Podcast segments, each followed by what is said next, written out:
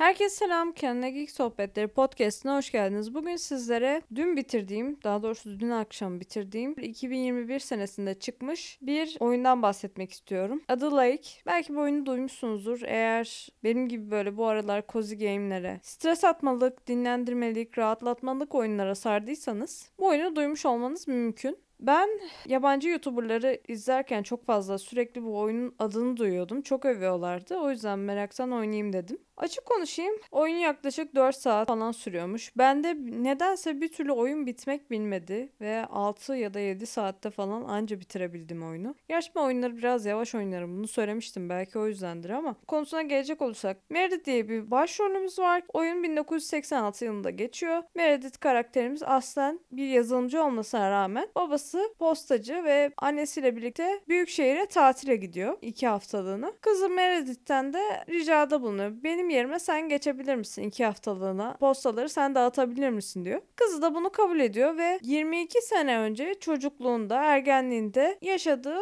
o küçük göl kıyısındaki kasabaya geri dönüyor ve orada iki haftalığına geçici olarak postacılık işini devralmış oluyor babasından. Postaya çıkıyorsunuz. Her gün belirli kargolar var, mektuplar var. Kargoları dağıtırken sürekli olarak karşınıza çıkan ''Aa Meredith sen miydin?'' falan filan. Hani eski yüzleri görüyorsunuz. Onlar sizinle sohbet ediyor, konuşuyorsunuz. Postacılık, kargoculuk oyunu. Açıkçası dürüst olacağım bu oyunu ilk gördüğümde biraz ay bu oyun sıkıcı olabilir mi falan diye düşünmüştüm. O yüzden bu oyuna karşı çok ön yargılıydım. Çok oynamak istemiyordum ama sürekli olarak herkes öve öve bitiremediği için bu oyunu. Dedim bir şans vereyim. Oynayayım neden denemiyorum. Oyun ilk başta hoşuma gitti. Kargoyu götürdüğün kişilerle sohbet ediyorsun, konuşabiliyorsun ve seçim yapabiliyorsun. Ben böyle interaktif film tadındaki oyunları çok seviyorum. O yüzden hani seçim yapabilme fikri hoşuma gitti.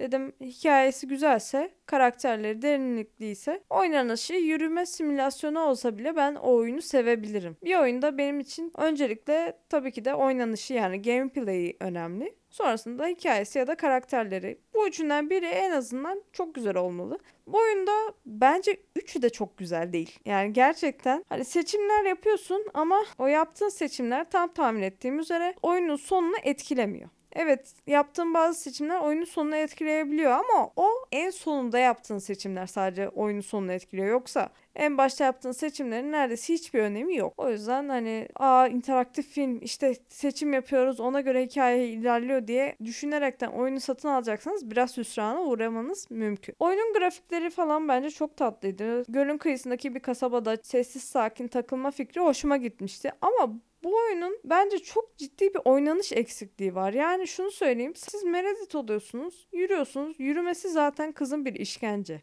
Hızlı koşma yok. Shift'e basılı tutarsanız sadece bir gıdımcık daha hızlı gidiyor ama gene çok yavaş gidiyor. Arabayı almadan bir yerden bir yere gidebilmek resmen işkence. O yüzden kesinlikle arabadan aşağı inmek istemiyorum. Bazen bakıyorum böyle postayı yanlış yere getirmişim. Arabaya geri dönmem gerekiyor. Of arabaya mı geri döneceğim? Tekrar almam mı gerekiyor falan diye üzülüyorum. Çünkü karakter muazzam yavaş ilerliyor. Zaten karakter ya yürüyebiliyor ya posta dağıtabiliyor ya da arabaya binip ilerleyebiliyor. Başka hiçbir şey yapamıyor. Ya ve bu oyunu hep böyle şey açık dünya falan diye tanıtıyorlardı. Açık dünya falan değil. Çünkü siz mesela restorana gidiyorsunuz. Orada bir tanıdığınız var. Onunla konuşuyorsunuz, ediyorsunuz. Ama restorandan çıktıktan sonra oraya gitseniz de oturup yemek yiyemiyorsunuz o restoranda. Ya da oturamıyorsunuz. Sadece o restorandaki kişiyle tekrardan konuşabiliyorsunuz. Hani mesela GTA oyunlarını düşünün. GTA San Andreas'ta ne yapabiliyorduk? Spor salonuna falan gidebiliyorduk. Ya da ne bileyim diskoya gidebiliyorduk. Barlara gidebiliyorduk. Ya da Vice City'de falan diğer GTA oyunlarında golf oynayabiliyorduk. Yani çok fazla çeşitlilik vardı. Bowling'e gidiliyordu. Bu oyunda Bunların hiçbirini yapamıyorsun. Sadece belli başlı o postayı teslim ettiğin ve muhabbetin olan müşterilerle tekrardan gidip ayaküstü sohbet edebiliyorsun. Bu kadar. Gerçekten açık dünya olarak söyleyebileceğim tek şey belki de postayı istediğin şekilde götürebiliyorsun. Arabaya binip o kadar. Hani postanın bir sırası yok. İstediğin şekilde, istediğin zaman istediğin kişiye götürebiliyorsun. Bu kadar. Açık dünya deniyor ama başka bir aktivitesi yok. Oyun Yürüme simülasyonu olabilir. Bir oyunun yürüme simülasyonu olması bana batmaz. Bazı insanlar bu konudan çok rahatsız olur. Ben olmam. Yürüme simülasyonu olup olmaması benim için önemli değil. Eğer ki karakterler derinlikliyse ya da konusu iyiyse ama bir kere konu ortada yok. Yani tamam babasının yerine geçmiş bir kız var. Aslen yazılımcı ama bu kadar. Yani çocukluk arkadaşlarını görüyor. Onlarla dedikodu yapıyor. Yaşlı bir teyze var. Onun kedilerini alıyor. Bir balıkçı bir adam var. Ona götürüyor. Oradan tedavi ettiriyor. O kediyi tekrar alıyor götürüyor. Bu yani. Bir şey alıp bir yere götürmek. Bir tane çok farklı olarak bulduğum görev kamerayla mesela gölün fotoğraflarını falan çekmek. Bu yani. Başka hiçbir şey yok açıkçası. Hani o yaptığın seçimler bir etkilemiyor. Bir atraksiyon yok. Yani mesela bu, yani bu tarz oyunlarda mesela göl kıyısında ne olur? Atıyorum bir cinayet olur ya da biri kaybolur. O araştırılır. Hani böyle bir gizem olur ortada ya da ne bileyim o küçük kasabada mesela birilerinin koca ayağı gördüğü falan söylenir ormanda. O araştırılır. Bir gizem olur ortada. Bu oyunda gizem de yok. Sürekli oynanabilirlik olarak aynı. Karakterler sadece dedikodu yapıyor. Senin yaptığın seçimlerin bir esprisi yok. Bakın kasabanın grafiklerini, mekanını, tasarımını çok tatlı buldum. Güzel buldum. Bence karakter dizaynları da güzel. Ama karakterlerin konuşma animasyonları o kadar kötü ki hiçbir mimik yok karakterlerde ve bomboş bakıyorlar. Yani seslendirmeleri ne kadar başarılıysa mimikleri de o kadar boş ve anlamsız. Karakterler bazen bomboş bakıyor. Sen, seninle konuşuyor ama senin suratına bile bakmıyor. Hiçbir tepki vermiyor. Saçma basit hatalar bence olmaması gerekiyordu. Ve bazen hatta karakter gülüyor mesela. Bir bakıyorsun karakter ağzını bile oynatmıyor. Ya 2021'de çıkmış bir oyun yapma artık bunu ya. Hani ağız oynatmamak ne demek? PlayStation 1 hatası resmen bu. Bunu kabul edemem. Asterix Obelix'te de demiştim. Hani bu tarz bariz hataları kabul edemiyorum ben. Mesela Life is Strange'e çok laf etmişlerdi ilk oyununa. Aa işte mimikleri oynamıyor. Ne kadar saçma. Life is Strange'deki karakterlerin yüz ifadelerini, mimiklerini çok iyi bulmuyorlardı. Donuk buluyorlardı. Bunu oynasalar o insanlar bilmiyorum artık nasıl eleştirirler. Çok bariz bir hata. Seslendirmeleri ben çok başarılı buldum. Bir tanesi hariç o yaşlı kedili bir kadın demin bahsettim ya. Ha o kadının seslendirmesi aslında yaşlı bir kadın olması lazım. Onunkini genç bir kadın yaşlıymış gibi seslendirmeye çalışıyor ve o kadar yapay, o kadar kötü ki seslendirmesi. Gerçekten yani yaşlı birini bulamadınız mı ya? Bu kadar zor mu? ya da koymasaydınız o karakteri. Çok yapaydı mesela onun sesi de.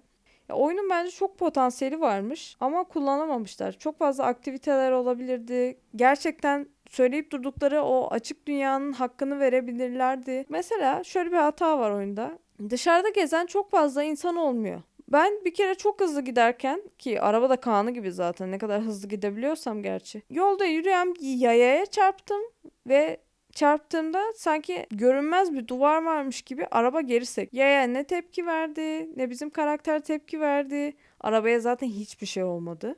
Yani hani bağımsız yapımcılığı diye de bazı şeyleri görmezden gelmeye çalışmakta 2021 yapımı bir oyun için zor olabiliyor. Evet. Sonuçta bağımsız yapımcı oyunları olan bir sürü güzel oyun gördük. O yüzden ben çok şey yapmıyorum. 6 saatte falan bitirmiştim ben bu oyunu ama şunu söyleyeyim. İlk saatten sonra hep aynı şeyi yapmaya başladığınız için biraz beni sıkmaya başlamıştı. Doğruya doğru. Ama dedim belki karakterlerde derinlik olur. Belki hikayenin sonunu etkiler ya da ortaya bir gizem çıkar bir şey olur. Öyle olmadı. Öyle olmayınca da e işte. Ha, bu oyunu eğer gerçekten böyle cozy game dediğimiz o kafa dinlemelik, rahatlamalık oyunları seviyorsanız e, yürüme simülasyonu olsun çok umumda değil diyorsanız gene çok sevebilirsiniz. Ama bazı karakterlerin mesela konuşmalarını bile dinlemedim açıkçası. Çünkü dinlesem de dinlemesem de bir şey kaybetmeyeceğimi düşündüm. O karakterlerle bir bağ kuramadım. Mesela en sonda yaptığım seçimin hiçbir önemi yoktu. Life is Strange'de kendi yaptığım seçimden üzgündüm mesela. Gerçekten beni çok etkilemişti.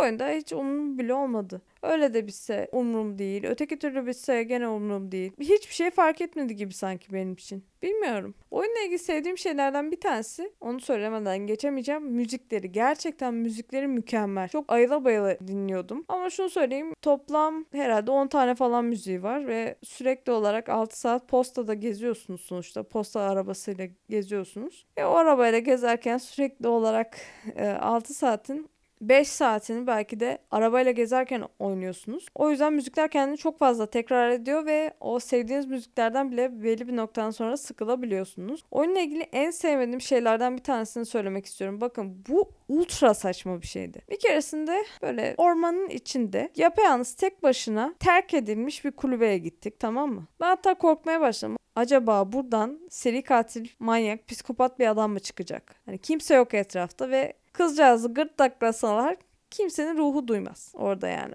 Öyle kötü bir yer. İzbe gibi bir kulübe. Kulübenin pencerelerine tahtalar çakılmış. Çok bariz bir şekilde orası kullanılmayan bir kulübe. Ve kızımız bunu hiç yadırgamadan kulübenin kapısına gidiyor. Kapıyı çalıyor. Paketi buraya bırakayım diyor. Ve gidiyor. Postanedeki arkadaşlarıyla konuştuğunda aa bak böyle tuhaf bir şey oldu. Başıma böyle bir tuhaf bir şey geldi. Acaba kimdi o sipariş eden? Bunu asla sorgulamadı ya. Bu çok saçma bir şey. Terk edilmiş izbe kimsenin adımını atmadığı bir kulübe çok bariz. Oraya birileri sipariş vermiş. Sen önce şunu sor. Yanlış adres mi bu acaba? Bunu bir sorgula, bir şaşır. O yok. Tamam neyse. Sonra postanedeki arkadaşlarına konuşuyorsun. Bari onlara da yani benim başıma böyle bir şey geldi. Acaba yanlış adres miydi? Yok. Ortada bir gizem var. Bence buradan bir hikaye çıkabilirdi ama hikaye çıkmamasını tercih etmişler. Bilmiyorum. Bana o da çok saçma ve mantıksız gelmişti. Karakterin tepkisizliği, çok gayet normal karşılaması. Neyse paketi şuraya bırakayım bari. Yani ne demek bırakayım? Kim bilir ne sipariş edildi, kim sipariş etti. Öncelikle zaten yanlış adres olup olmadığını düşünmesi gerekiyordu bence. Neyse ne diyeyim yani. Niye bu kadar sinirlendiysem oyundan. Oyun tamam tatlı sevimli ama bazı eksiklerini görmezseniz sevebilirsiniz. Eğer böyle sevimli, tatlı, rahatlatan, huzur veren, kasabada geçen oyunları seviyorsanız sevebilirsiniz. Oyunla ilgili söyleyebileceklerim sanırım şimdilik bu kadar. Bir dahaki podcast'te görüşmek üzere. Şimdilik hoşçakalın.